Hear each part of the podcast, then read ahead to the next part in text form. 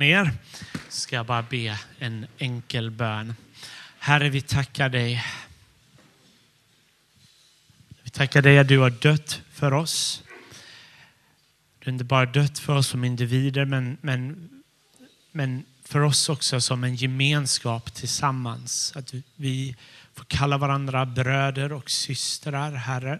Och vi tillsammans får vara inför dig denna stunden, Herre. Herre, vi ber att ditt verk ska få ske. Vi ber att allt som rimmar väl med ditt ord ska få fästa sig i våra hjärtan och tankar. Och det som inte gör det, Herre, ber vi det ska få rinna av, Herre. Eh, för vi vill ha det som är från dig, Herre. Vi tackar dig i Jesu namn. Amen. Amen. Så kul att se er eh, denna söndagen. Eh, det, mitt namn är Johan McInnes. Jag är en av ledarna här i kyrkan. Och eh, som vi fick höra så är vi mitt i en serie om apostlagärningarna och vi är väldigt tidigt i berättelsen fortfarande. Eh, I det andra kapitlet som är en underbar text. Eh, för precis innan så har det beskrivits hur Gud gett sig själv till sitt folk. Han har gett sin egen ande som har kommit över människor och förvandlat människor. Och det börjar hända saker i dessa människor. Och den här texten handlar om vad som händer när de har mött och förvandlats av Gud. Så vi börjar med att kolla på en bild vi har här en bild som jag vill ska vara en lite, det är lite ljust här, så det, men det är en stol, eh, om ni kan se det. Eh, men det är en väldigt enkel bild som jag vill att vi ska ha liksom i vårt mentala sinne. Som en bild för texten vi har hört. För vi ser en stol. Och vad får en stol att stå upp? Det är ju ben, väldigt enkelt. Eh, vad händer om vi tar bort ett ben från en stol? Kan man fortfarande sitta på den? Står den upp fortfarande? Ja, om du lutar åt rätt håll, då, då, då kan du nog fortfarande sitta, men du får vara väldigt still för att det ska funka. Så fort du rör dig lite åt fel håll kommer du ramla. Om du tar bort ett annat ben så kommer du inte kunna sitta på den. Stolen kan inte stå upp. Jag vill att det här ska vara en mental bild för vad Apostlagärningarna 2.42 försöker säga till oss. Det här är en text som försöker berätta för oss vilka grunder vi som kristna ska stå på. Vad som gör att vi kan stå. Alla typer av gemenskaper, alla olika typer av, eh, allt från företag till olika typer av klubbar, de har något som binder dem tillsammans. Det kan vara olika typer av värderingar som enar dem. Det kan vara olika typer av praktiker, saker de gillar att göra. Någonting som enar dem, som gör att de, de är del av den här gruppen. Apostlagärningarna egentligen hela Bibeln då, beskriver först att den grund som binder oss som kristna är förstås Kristus. Att Kristus har dött för oss. Det som enar oss. Många av oss är väldigt olika typer av människor. På ett sätt otippat att vara i samma rum. Men det som enar oss, i alla fall många av oss, är en tro på Jesus.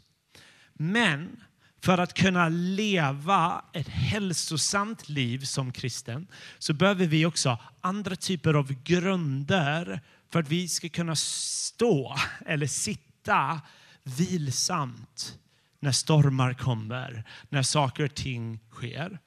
Och det är just det denna texten handlar om. Den handlar om fyra prioriteringar fyra prioriteringar som gäller för alla kristna. Om vi tar bort en av dem så kanske det ser lite halvstabilt ut, kanske funkar ett tag, men det kommer att kollapsa. Om vi tar bort två av dem kommer det inte funka. Så vad är dessa fyra prioriteringar? Så jag kommer nästan bara vara i vers 42. Jag tror den kanske kommer upp. Annars kan du ha din bibel, bara stirra blint på kapitel 2, vers 42. För egentligen allt jag säger här rör sig kring denna vers. Och det börjar så här. Det höll troget fast vid. Så texten har precis beskrivit de första kristna som har så mött Gud, Gud, hans liv, hans ande. Eh, de har förvandlats, fått nya hjärtan. Och vad är det första de gör? Jo, det står att de håller troget fast vid något. Och då kan det vara viktigt för oss att vara lite uppmärksamma. Okej, okay. om de här första kristna så mött Gud och, och, eh, och tyckte vissa saker var värt att prioritera. Det står till och med i texten i slutet att de var fyllda av glädje i samband med det här. Då kan det vara värt för oss att lyssna. Det höll fast vid. Det höll fast vid. Och så kommer de här fyra punkterna. Jag vill säga bara de här fyra punkterna. Det här är någonting jag vill bjuda in dig, både som en individ, oavsett om du är med i den här kyrkan eller inte, att om du tror på Jesus, bygg ditt liv på de här grunderna. Det här är någonting som Jesus bjuder in oss till. Här finns frihet, här finns blomstring. Om du är med i en kyrka så vill jag säga, vi som kyrka vill bara be om att det här, det här vill vi ska vara hjärteslaget vår kyrka. Det här vill vi bygga som en grund för den här kyrkan. Det här vill vi tillsammans hålla troget fast vid. Så jag vill bjuda in dig till att tillsammans med mig försöka hålla troget fast vid dessa fyra punkter. Den första punkten. Det höll troget fast vid apostlarnas undervisning. Så det första som nämns av den här gemenskapen då, fyllda av anden igen, eh, så märker man något som var helt avgörande för dem var att ta del av undervisning. Det var en lärande kyrka. Det var en kyrka som ville lära sig, ville fördjupa sig i Guds hemligheter, i Guds uppenbarelse. Det var inte en kyrka som bara sa, det enda vi behöver är den helige ande. På ett sätt var det det de sa, men de visste den helige Ande har gett undervisning som vi ska gå till om och om igen och förankra oss i. Så ständigt i apostlagärningarna så märker man att det är ett folk som söker sin identitet genom ordet. Genom vad apostlarna kom och att proklamera. Apostlarna är förstås döda idag. Ehm, de här i alla fall, apostlarna. Ehm, men vi får ta del av deras undervisning genom Guds ord. Och det är någonting som vi, som, i alla fall de som är vana med kyrka, kan så enkelt glömma. Att det här är Guds ord. Alltså Gud, han. Han som har skapat allt. Universum, molekyler, solsystem, galaxer. Han vill tala till dig. Han vill visa ljus i en värld fylld av mörker. Och vi är dårar om vi inte tar del av det här. Vi är dårar om vi hoppar över det här. Men ändå så finns det en skatt här som vi som kyrka vill liksom bygga vår kyrka på. En av de viktiga pelarna. Vi vill inte vara en kyrka som bara har gemenskap. Vi vill vara en kyrka som vill ha gemenskap. Det är inte heller valbart. Men ta del och fördjupas i kunskapen om Gud är avgörande. Och Det vi kan göra är att bara utsätta oss för Guds ord. Det kan vara läsa Bibeln, det kan vara lyssna på den på en, eh, på liksom en ljudinspelning. Ta del av undervisning tror jag är viktigt. Det är del av att fördjupa sig, att höra andra lägga ut ordet. För i slutändan är det andlig föda. Och för mig som predikar så, så är det alltid en sån här lite tröst att påminna sig av. Just det, jag lägger väldigt mycket tid på att skriva en predikan som ni kommer glömma om några dagar. Och det kan vara lite så här, eh, i en bemärkelse bara, ah, varför lägger jag så mycket tid på det? Eh, Men om vi tänker på undervisning delvis som andlig föda så lugnar det mig. För att du behöver äta varje dag för att överleva. Visst, du kan fasta någon dag och så vidare. Kommer du ihåg alla dina måltider? Nej, du har glömt bort dem. Var de avgörande för din, din existens? Ja, de flesta, de flesta var avgörande för dig. Ehm, och så tror jag det är också del av att ta del av undervisning, predikan. Vi kanske glömmer många av dem. Vissa av dem kanske märker oss. Vissa måltider kan märka mig och så vidare. Kan märka oss och vi kan minnas dem. Ehm, men de vi inte minns kan vi också ha sån tro på Guds ord att det gör någonting med oss ändå. Det är fortfarande någonting som, som ger liv i vår tro. Det är någonting som skapar någonting i oss. Och därmed är det viktigt, det är inte valbart. Vi behöver det här för att leva för att kunna blomstra, för att kunna ta del av det Gud vill. Sen vill vi också fördjupa oss och studera så saker fäster sig, så vi, vi formar vår, vår världssyn. Så när vi går ut i en värld som ständigt försöker berätta andra berättelser, andra visioner av vad det goda livet är, så, så är Guds ord någonting som, som ger oss rätt liksom, styrka i våra glasögon så vi ser världen så som den är tänkt att vara, så som den är tänkt från skaparens perspektiv liv. Och om vi vill förstå världen vi är i, varför gå till skapelsen istället för skaparen när vi vill förstå den? Och därför är första inbjudan till er och till mig själv, låt oss bygga våra liv på apostlarnas undervisning, på Guds ord. Vi måste ha det. Andra punkten. Det höll fast vid apostlarnas undervisning och vid gemenskapen. Och den här punkten kommer hänga ihop lite med tredje punkten jag, jag väver in här.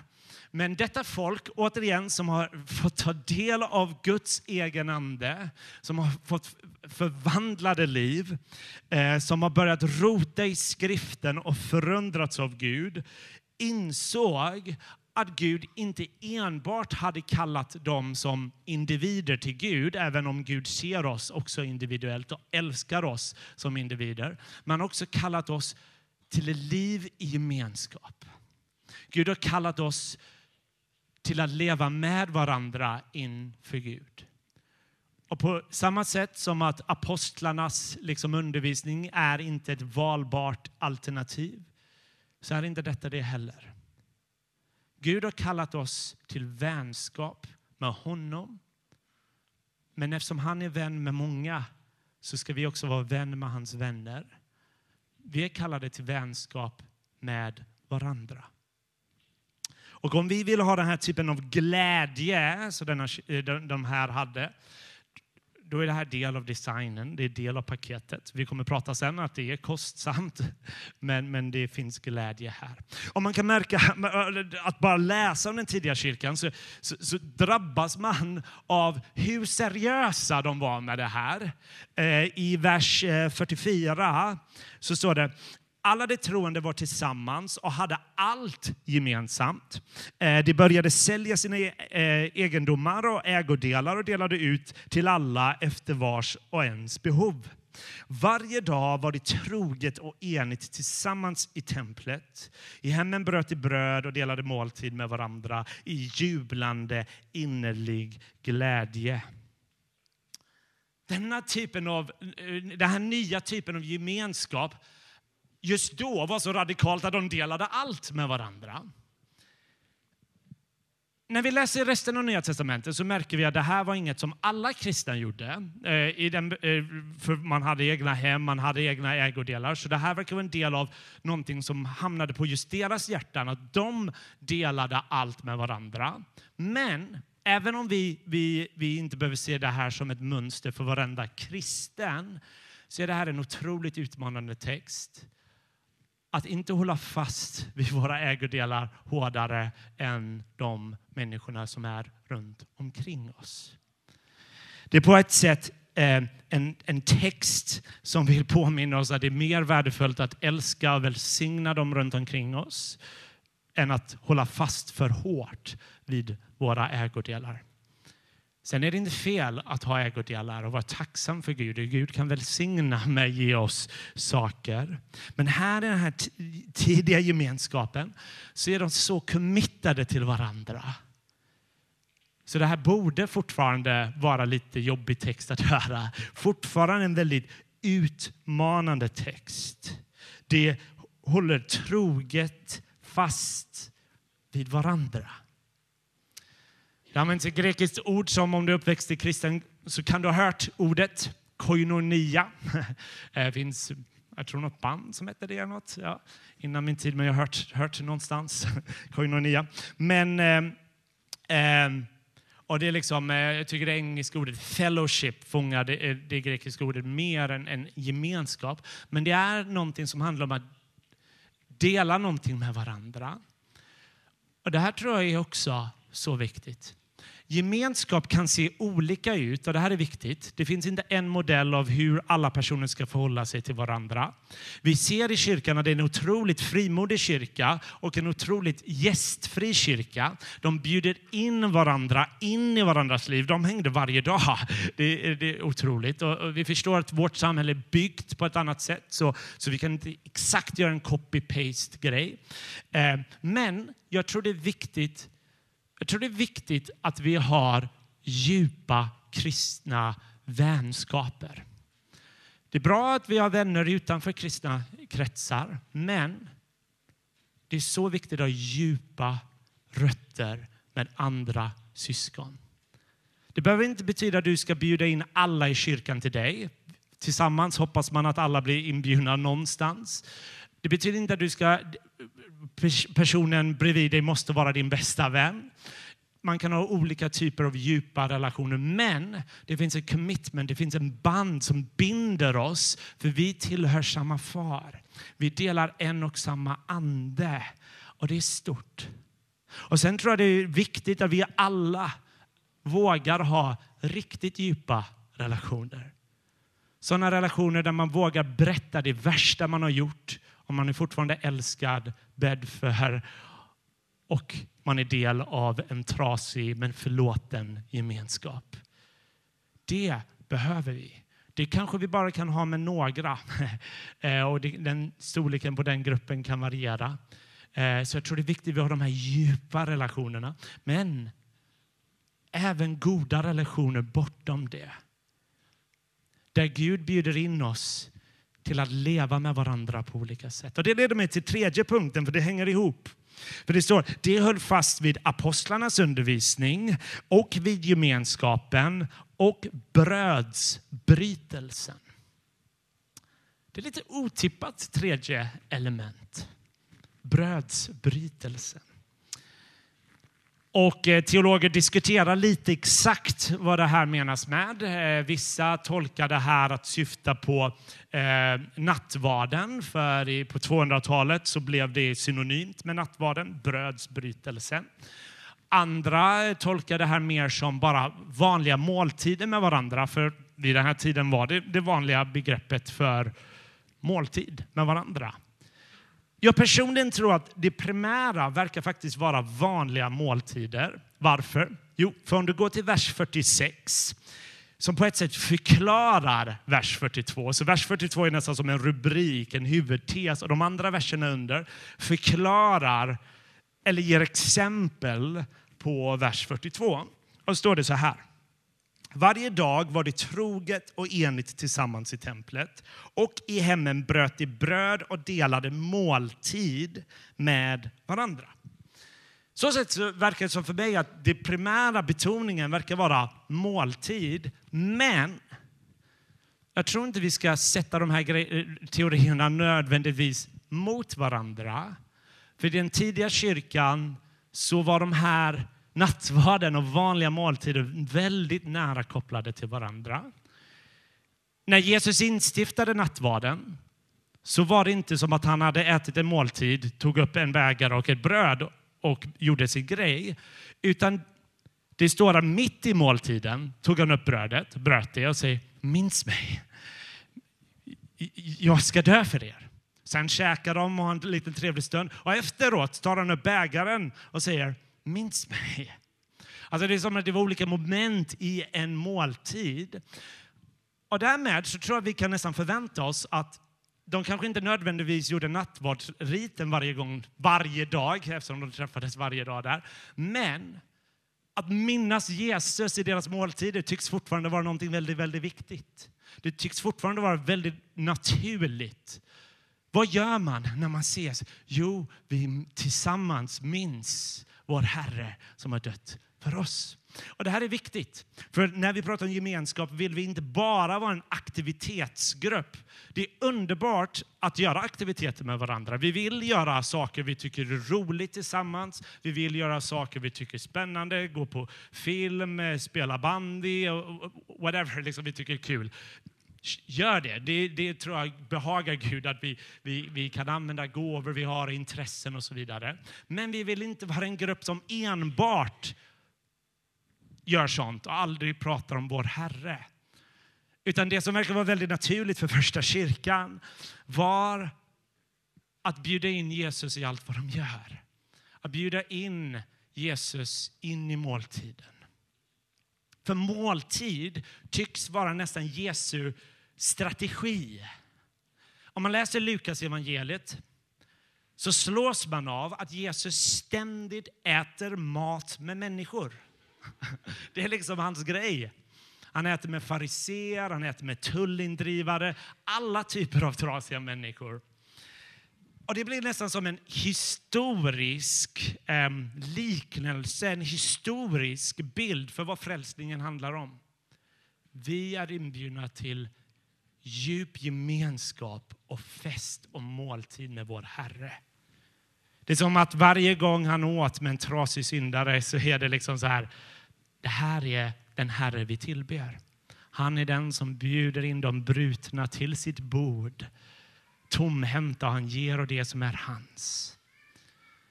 Och så sätt så tycker jag, låt, låt, låt oss när vi liksom bjuder in varandra in i varandras liv, när vi delar måltid, för jag tror just måltid Gör någonting med gemenskapen. Ibland när man bara minglar vid bordet så hinner man bara komma till vissa samtal. Men när man äter, delar måltid då, då delar man en, en, en händelse på ett annat sätt som gör att man pratar med varandra på ett annat sätt. Låt oss använda det, den möjligheten att prata om saker som är viktigt i våra liv. Saker vi tycker är spännande, saker vi tycker är kul. Men också bjuda in vår Herre in i det. Det är en plats där vi kan minnas Jesus. Vi minns att hans ben bröts för mig. Så när vi bryter vårt bröd så minns vi det här knäcktes för mig. Men vi kan också vara i nuet, inte bara i dåtid, men i nuet och inser nu bjuder han in i gemenskap med honom och med varandra. Och när vi delar måltid med varandra så delar vi gemenskap med Gud där mitt ibland oss. Men en måltid är bara en försmak. För det beskrivs där när Jesus kommer tillbaka så är det festmåltid som väntar oss. Det är festmåltid. Ständigt så i Gamla testamentet, profeterna och Jesus talar om det. när han kommer tillbaka är det den ultimata måltiden. På så sätt så är våra måltider kan vara en försmak av det som ska komma. Och det leder mig till min sista punkt som jag kommer hålla väldigt kort. Det höll troget fast vid apostlarnas undervisning och vid gemenskapen, brödsbrytelsen och bönerna. Jag vill hålla eh, det relativt kort, för jag tror vi kommer återkomma till bön en del under apostlagärningarna. Men det är en så lämpligt avslut på de här fyra punkterna. För bönen är en påminnelse om att om vi som kyrka ska funka, för att det kristna livet ska funka, att det kristna livet faktiskt ska hålla, så behöver vi Gud. Vi är helt beroende av hans liv, att det ska faktiskt bli liv i våra kyrkor. En kyrka är som starkast när den faller ner på knä, svaga och ropar på sin Herre. Kom med din kraft. Utan bönen är allt annat hopplöst. Liksom. Eh, det kommer inte vara något liv i det andra. Utan vi behöver bli en kyrka, vi behöver bli kristna som vill troget hålla fast vid bönen. Troget hålla fast vid bönen. Och det är därför gemenskap är så viktigt, för där kan vi hjälpas åt. För det är tufft. Det är, eh, alla i säsonger där det är tufft att be.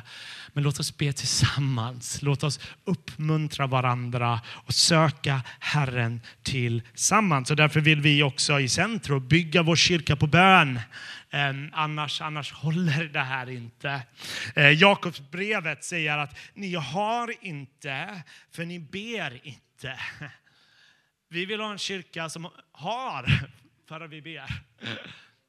Ehm, jag, tycker det, det, är så fint. Ärkebiskopen William Temple på 40-talet är känd för att säga When I pray coincidences happen and when I don't, they don't.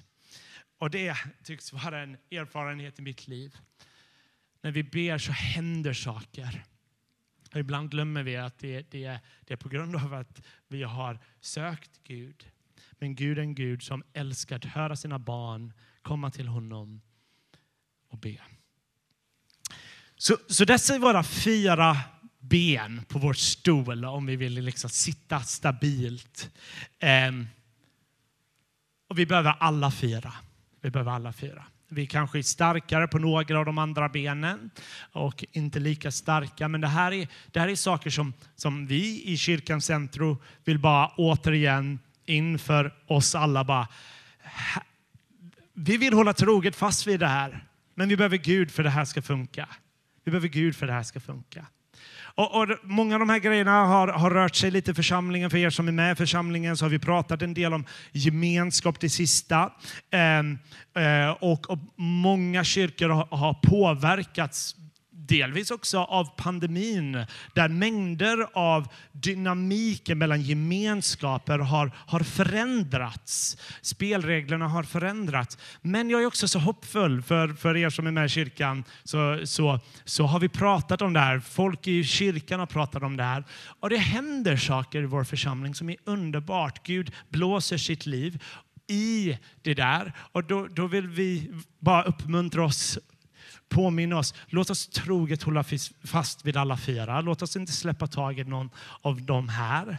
Men vi vill också be om Guds kraft. Att det här inte kommer som någon form av, nu ska vi prestera, nu ska vi liksom eh, pumpa upp det här. Nej, nej, vi vill genom Gud vara med honom och bevara dessa fyra sanningar. För han har sagt här, här, här, här finns det någonting. Här är det lite del av hans design av hur vi blomstrar som lärjungar till Jesus och som kyrka. Och det verkar till och med finnas glädje här. Det står så här i vers 46. Varje dag var det troget enigt tillsammans i templet. I hemmen bröt de bröd och delade måltid med varandra i jublande innerlig glädje. Alla de här grejerna involverar uppoffringar. Det involverar uppoffringar. Och det är väldigt enkelt att drömma om en typ av gemenskap och sen kommer människor alltid till korta och det leder till besvikelse.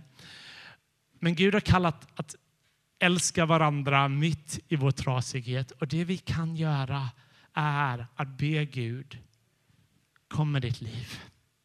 Hjälp oss att leva på dessa grunder.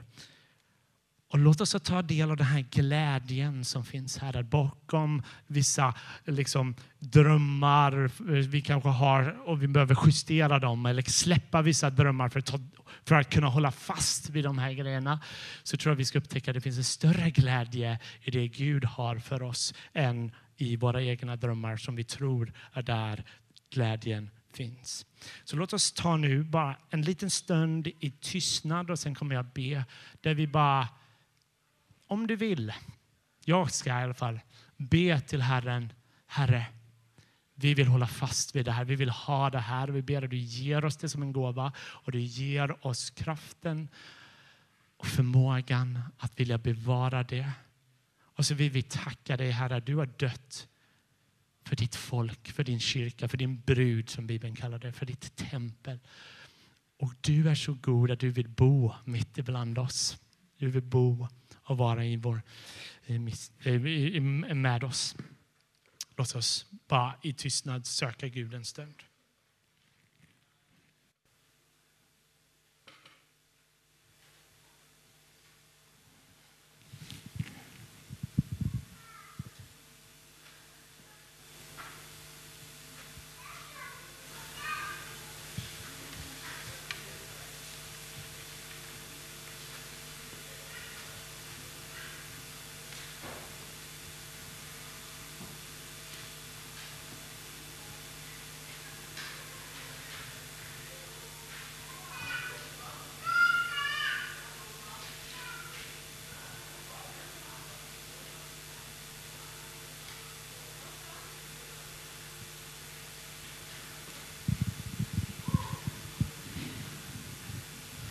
Herre, vi tackar dig att du är god, Herre. Herre, vi tackar dig att du har en plan för oss, för din kyrka, för alla dina kyrkor. Och Herre, vi vill ha av det du vill, ha, eh, du vill ge oss, Herre. Så vi vill liksom eh, mentalt eller i våra hjärtan sträcka våra liksom eh, händer och ta emot av din, din nåd och din godhet, Herre. Herre, hjälp oss att hålla fast vid dessa goda gåvor du ger oss. Hjälp oss att se saken utifrån din vision för världen, ditt perspektiv. Men Herre, hjälp oss också bli en gemenskap som bara ständigt minns dig. Ständigt minns att du dog för oss. Och du dött så att vi ska du är inte bara dött för att vi ska liksom räddas från något, men också till något, Herre. Och Herre, vi ber om att, att, att redan nu få smaka på, på himmelsk gemenskap som kommer bli fullkomlig i framtiden när du kommer tillbaka, Herre. Men Herre, vi vill, vi vill följa dig i Göteborg här, Herre. Och vi vill vara en gemenskap för den här världens skull. Så att världen ska få veta att du är ljus och att inget mörker finns i dig. Ingen gråzon finns i dig, Herre. Mm. Vi tackar dig i Jesu namn. Amen.